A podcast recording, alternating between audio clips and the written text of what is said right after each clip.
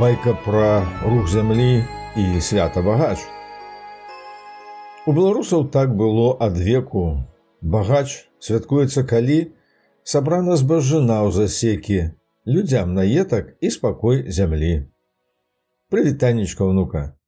Памятаеш, некалькі разоў я табе баяў пра дні сонцастаяння і раўнадзенства. Астранамічныя падзеі, звязаныя з рухам зямлі вакол сонца і вакол сваёй васі, Падчас зімовага сонцастаяння здараецца самы кароткі дзень і самая доўгая ноч, а летняга, наадварот, самы доўгі дзень і самая кароткая ноч, да якіх традыцыйныя сельскагаспадарчыя і рэлігійныя святы прымеркаваныя. З часам зімовага сонцастаяння паваротам на даўжэйшы дзень супадаюць каляды ды свята Божага нараджэння і новы каляндарны год у большасці краін свету пачынае адлік. Час летняга сонцастаяння адметны скарачэннем найдаўжэйшага дня і адзначаны святам купалля ды нараджэннем Івана Працечы.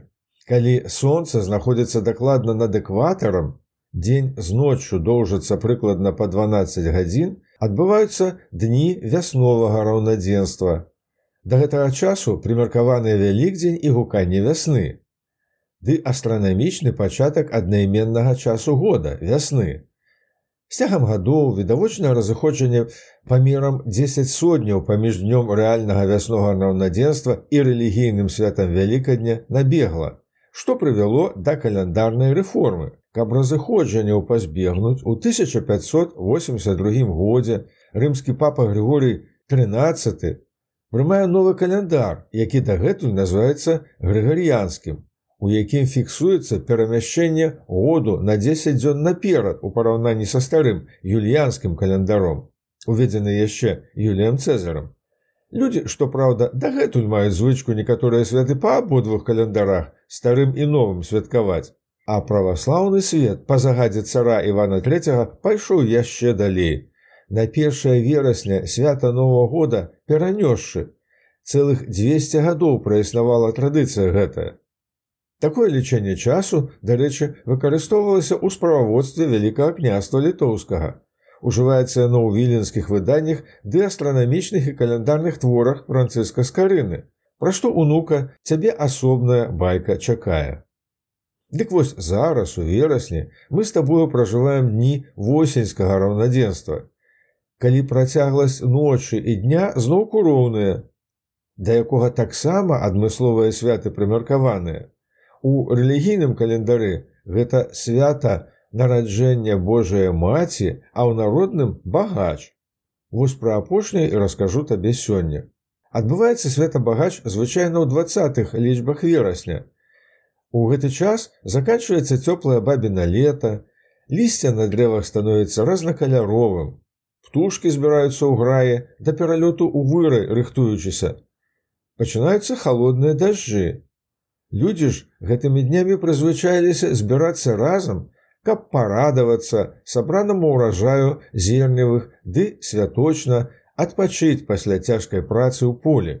Строі святочныя прыгожыя апраналі, бралі лубянку ці сявеньку, жытам новага ўраджая напаўнялі, статкі жывёльныя дыхаты сяла з песнямі абыходзілі, зычачы гаспадарам здароўя, а падворкам іхных поўных засекаў і ў наступным годзе.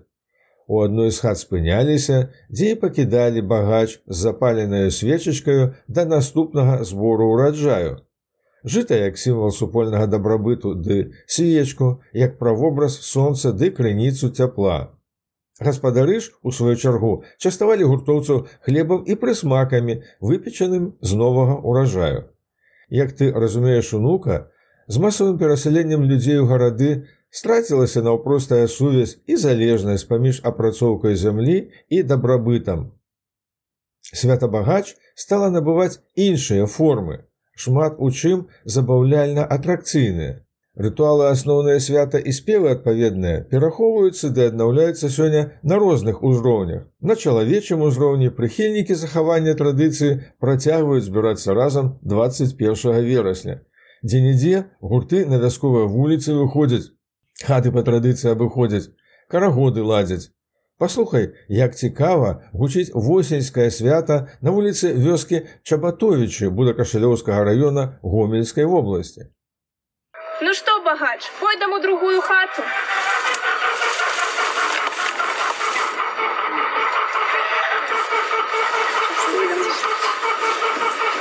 Ой, ты еже, тоже ты моя посыпелая. Треба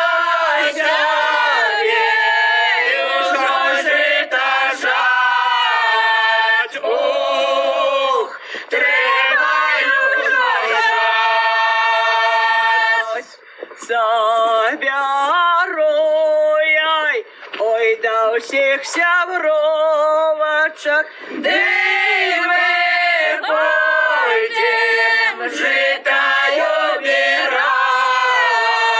Ох, житаю бирать.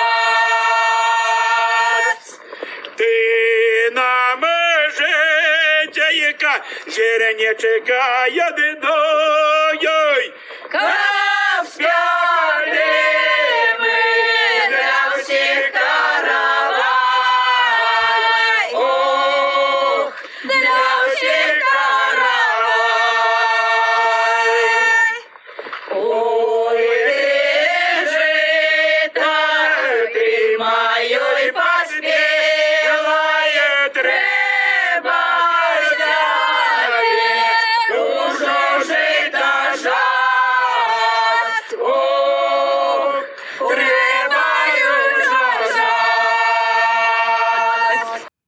Некаторыя музеі да яго вяртаюцца, такія як да прыкладу строчыцы ці філіял музея янкі купалы ў вязанцы.